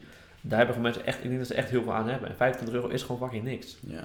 En denk ik van ja, dan, dan, als ik dan mensen echt wel goede shit kan leren, goede dingen kan doen. Want heel veel van die boeken zijn allemaal van ja, en eh, trainen met. eh, eh, ehm, maar dan makkelijk of lekkere gerechten. of gezonde gerechten, maar lekker. Allemaal van die shit. Ik denk van ja, waarom, ik, ik zeg letterlijk hoe het is. Oké, ik heb gewoon dit haar gemaakt. Ik heb gewoon dit, dit. Ja. Het is gewoon echt Maar dat zijn instrumenten en als je zegt van het is ook belangrijk om te kijken naar zelfreflectie van waarom wil je dat überhaupt? Ja, dus- want als, het, ja. als je het alleen maar wil om die eigen onzekerheden, te dan moet je misschien even iets laagje dieper kijken en Precies, dus het leert zeg maar, het is meer, is het is een soort psychologisch dagboek in plaats van echt te vinden. je hebt me overtuigd, Peter. Ik, eh, mijn kritiek is, eh is. Oké, nee, maar ik, ik snap, maar ik vind het niet erg om daarop in te gaan. Kijk, nu ik, je, doet ook als ik niet geld mee kon verdienen, had ik ook niet gedaan. Want ik, maar het grappige is dat heel veel mensen zeggen, oh, maar verdien dan geld ermee. Maar ik denk van, hè, doe jij je werk dan wel gratis? Want ik bedoel, het is Ja. daarbwerkelijk gewoon uren en dagen. Ja, maar dat je er geld mee ging verdienen, dat had ik eh, vanaf minuut 1 had ik wel Ja. door, ja. Ja. Maar ik was benieuwd naar de boodschap. Ja. Ja. Nice. Ik had een vraag staan, ehm, lees je boeken, maar... Ja, ik, kijk, het ding is, nu voor het eerst, door dat boek, lees ik dus boeken. le- Oké, maar je leest dus ook andere boeken nu? Ja, dus het is nu zeg maar van, ehm, ik heb heel veel dingen die ik dan doe, die ik heb aangeleerd over, gekregen, over koud douchen of over Ja. waarom ik geen alcohol drink. Of dan, maar, maar ik, ik drink überhaupt geen alcohol, niet per se voor dat hoor, maar Waarom dan? eh, ge- gez- gezondheid zeg maar. Ehm, in, de wetenschap is het gewoon een harddrugs en als je wat met je lichaam doet en ook eh, de verschijnselen die je hebt, zijn verschijnselen die overeenkomen met ook voedselvergiftiging, wat dan ook. En het is, het wordt letterlijk gebruikt als ontspanningsmiddel of voor dingen, dus het is iets van, ik, ik vind het gewoon te zonde om het in mijn lichaam te gooien of zo. Ik vind mijn lichaam echt het meest kostbare wat er is. Ja, dude. En, Ja. Ja, Maar ja, in ieder geval, dus, dus eh, daarom niet. Maar dan, dus, er zijn heel veel mensen die echt volledige eh, boek hebben geschreven over één onderwerp, over alcohol of over koud douchen. En dan eh, ga ik daarop induiken. Want in het boek ook wil ik ook niet met mijn kennis, maar met kennis van andere mensen die dus echt gewoon mensen zijn, dat ondersteunen. Oké, dus je, je, je, je leest nu om jouw boek te versterken. Ja, klopt. Oké. Ben je ook van plan om daarna zelfontwikkelingsdingen te gaan lezen en zo?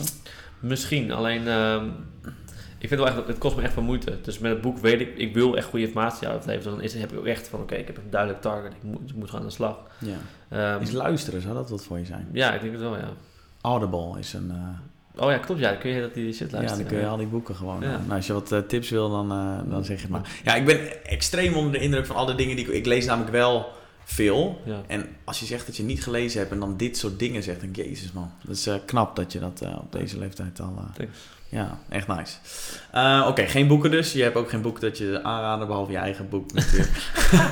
Nou, ik, ik, vind dat mooi. Mijn marketing is echt van, jou, als je het wil kopen, koop het. Als het niet, ja, Ja. koop het lekker niet. Plus dat ehm, mijn publiek nog... eh, daar, daar grin ik je een beetje op vergeleken met die van jou. Maar nee, Ja, dat maakt helemaal niet uit. nee, dat komt vanzelf. Ja, Dat komt vanzelf. Ja, daar heb ik vertrouwen in. ja. Ehm, heb ik nog dingen die ik... Ik wil nog heel veel over het onderwijssysteem hebben. Want het werkte niet voor jou. En wat is je kritiek die je erop hebt? Eh, mijn kritiek is erop dat eh, elk brein heeft een andere vorm. En dat is dan niet eh, in het echt, echt ook zo, maar laten we zeggen gewoon puur in eh oeh, fantasie, andere, andere vorm. En die moet op andere manier benaderd worden. En wij testen nu slechts één spectrum van het brein. En dat is dus bijvoorbeeld nou, dingen onthouden en dingen doen. Als heel veel van die... eh, ik weet niet wie dat had iemand uit de Tweede Kamer ook een opmerking over gemaakt. Over, wil je dat nooit meer zeggen of zo? Het ging over hoog opgeleide en laag opgeleide. En laag opgeleide is zeg maar niet lager en niet minder intelligent, maar die is, die is niet intelligent op dat ene spectrum, wat in deze maatschappij toevallig meer geld oplevert. Weet je, in een andere wereld, dan was juist een fucking... eh, Ja, de vraag is of dat nog zo is. Want je ziet steeds meer mensen die ondernemingen beginnen. Die, en volgens mij wordt het papiertje wordt steeds minder belangrijk. Dus die verschuiving zie je wel. Ja, is, is ook wel Ja. zo hoor. Ja. Het is alleen, we hebben alsnog te maken wel met heel veel mensen die, ben advocaat, ik ben dit, Ja. ik ben dat, en ik ben Ja. dat, ik ben dat, ik ben dat. Want ik kan heel goed, ik bedoel, ze zijn intelligent, die kunnen gewoon shit in de brein stoppen. Is dat intelligentie? Dat betwijfel ik, weet je wel. Ik vind vindingrijk eh, zijn en Ja, dat, nadenken zo. of EQ niet veel belangrijker is. Namelijk dat je alle provincies in Nederland weet. Maar of je iemand in zijn ogen aan kan kijken en een rapport kan bouwen... is misschien wel veel belangrijker Ja, dan... eh, Exact. ja. Dat helpt mensen ook zoals ik, die onzeker zijn, om zekerder te voelen. Dus ik, ik draag ook, of, of ik eh, hoe noem dat, draag graag waardering uit, kan je dat zeggen? Oké. Uit graag maar waardering. Nou, ik, ben, ja, ik uit graag maar Ik waardering. zeg geval. graag dat je iets Ja, ja is, eh, als mensen er leuk uitzien, iets goeds doen, lief zijn, waardering, al dingen zijn zo fucking goed. Want eh, ons fucking, ehm, onze stress en onzekerheid in ons brein wordt zo vaak, kan juist gevoed worden door fucking positiviteit. Ja, En positiviteit is oneindig, is gratis. Waarom gaan we niet als een malle geven het gewoon fucking weg? ja. En dat doen we gewoon bijna nooit. Want nee, joh. Ik heb, ik heb vaak nog gewoon weer een appje sturen of iemand gewoon bel en zegt van, yo, fucking bedankt dat je er bent of nice dat je dat hebt gedaan. Zie ik ook op dat. Instagram vaak over vrienden dat je... Ja. ja. Dat is gewoon belangrijk. Ja, want, want voor die mensen, ik had, ook, ik had één fucking mooi verhaal. Ik was met een meisje en eh, ze was bij mij en ik zei van, ja, wat heb je meegemaakt? Eh, is, er, iets, wat je leuk, iets leuks wat je hebt meegemaakt? Ze zei, ja, eh, eh, mijn zusje ben ik heel blij mee. Ik zo, heb je, een zusje gekregen? Nee, nee, die, ze, is al twaalf jaar bij mij. Ik zei, ja, maar ik ben gewoon zo blij, zo gelukkig als het er is en zo. En ik zei van, ja, maar heb je het ook tegen gezegd? Even stil. Ja, maar dat weet ze wel. Ik zei, ja, maar dat is het verschil. Ze kan zich maar aanvoelen, maar ook als je het maar zegt. Dus ik had, ik had het dus aangestuurd van, oké, stuur gewoon een appie. Ze zei, nou, ik een- echt. Ik zei, ja, maar een appie geeft ook aan dat maar niet met haar bent, maar wel je gedachten aan haar spendeert. En dan uit, uit je, eh, je liefde voor haar. Ze deed en de meisje werd, haar zusje werd zo emotioneel. maar Van, oh, ik hou ook zo van jou en dit. En heeft de band zo tering versterkt. Ja. Door één simpele uiting, dat je iemand, iemand aardig of leuk vindt. Dan hebben ze, ja, dat voel je wel, weet je wel. Nee, fuck the shit, joh. Als je het gewoon in je, in je fucking bakkers krijgt van, thanks dat je er bent, grap. Weet je hoe fucking nice dat is? ja, dat is echt nice. Ja, dat En als je dankbaar bent, dan je kunt niet boos en dankbaar. Je kunt niet iemand haten en dankbaar tegelijk zijn. Je kunt niet gefrustreerd en dankbaar. Als je dankbaar bent, dan valt, vallen andere, Ja. andere dingen weg. En het is, nogmaals, onze hersenen zijn alleen maar bezig om bedreigingen te zien en om te overleven. Het is onze taak om gelukkig te zijn. En dankbaarheid is zo belangrijk. ja. Gewoon blij zijn met wat er is. Niet vergelijken met de hele rest van de wereld, maar gewoon chill. Dat je hier kan zitten. En, eh, ja. En gewoon uiten, weet je, dat is gewoon de key. ja, uit is ook nog een. eh, ja. Waar kunnen mensen jou eh, online vinden? Dus de- voordat ik de laatste vraag stel. Ja, eh, op Instagram, het volg Petrus. En op YouTube Petrus. YouTube.com slash Petrus. Nice. Ehm, Ik stel het aan het eind van de podcast stel ik uh, allemaal gasten een vraag. Ik heb hem veranderd inmiddels, uh, omdat er een paar slimme mensen waren die mijn vraag een beetje, nou ja, goed interpreteerden en daarom eigenlijk gewoon, um, nou niet afpisten, maar wel, ja. de vraag was niet goed. um, wat is jouw definitie van een goed leven? Ja, we hebben eigenlijk net al gehad over het, goede leven. Um, mijn, mijn definitie is dat je jezelf gewoon volledig kent. En dat is dus dat je gewoon zelf weet waar je blijven wordt en niet blijven wordt. En vervolgens ook de wilskracht hebt om te zorgen dat je in de meest fijne situatie bevindt. Uh, dus som, het is super zwak. Kijk, er is een uitspraak, en dat is helemaal een uitspraak van een soort dichter, maar die heb ik ooit gehoord en ik weet het niet meer. Maar het was iets in de trant van: um, het is prima om zeg maar, het verkeerde pad te bewandelen, iets in deze trant, maar het is een misdaad om uh, zeg maar, een, pad, verkeerd pad te bewandelen als je weet dat het een verkeerd pad is. Uh, dat is een ding ook. Dus je wees bewust van wat je, wat je leuk vindt en waar je van houdt en, wat je niet goed kan of wat goed kan. En bouw dan maar design jouw leven daaromheen. Ontwerp. Ontwerp je, nee. ja, de Engelse termen. Die international, die Pieter is een international boy, you know me. Maar uh, ja, dat in principe. Dus uh, kijk, gewoon heel veel mensen weten, daar is die zelfontwikkeling ook. Mensen kennen hunzelf gewoon niet. Mensen die willen allemaal shit weten en dingen en doen en elke dag nieuwtjes en alles. Maar uh, en we willen graag op vakantie en allemaal dingen zien ons ontwikkelen. Maar we hebben gewoon de belangrijkste shit ooit, ons fucking brein. Die is nog bijna ontdekt. En vooral van jezelf, want het uh, verschilt per individu. Uh, maar ja. Mooi einde. Mooi einde. Dat was hem weer. En ik hoop dat jij de aflevering net zo tof vond als ik hem vond. En heb je nou nog vragen, opmerkingen of feedback? Laat een uh, comment achter op Facebook, op uh, Soundcloud, Instagram. Of wat dan ook. Maakt niet uit welk platform. Um, je kunt me op veel plekken bereiken. En nogmaals, als je de aflevering tof vond, abonneer je dan even. Dat zou mij erg helpen. Um, tot de volgende keer.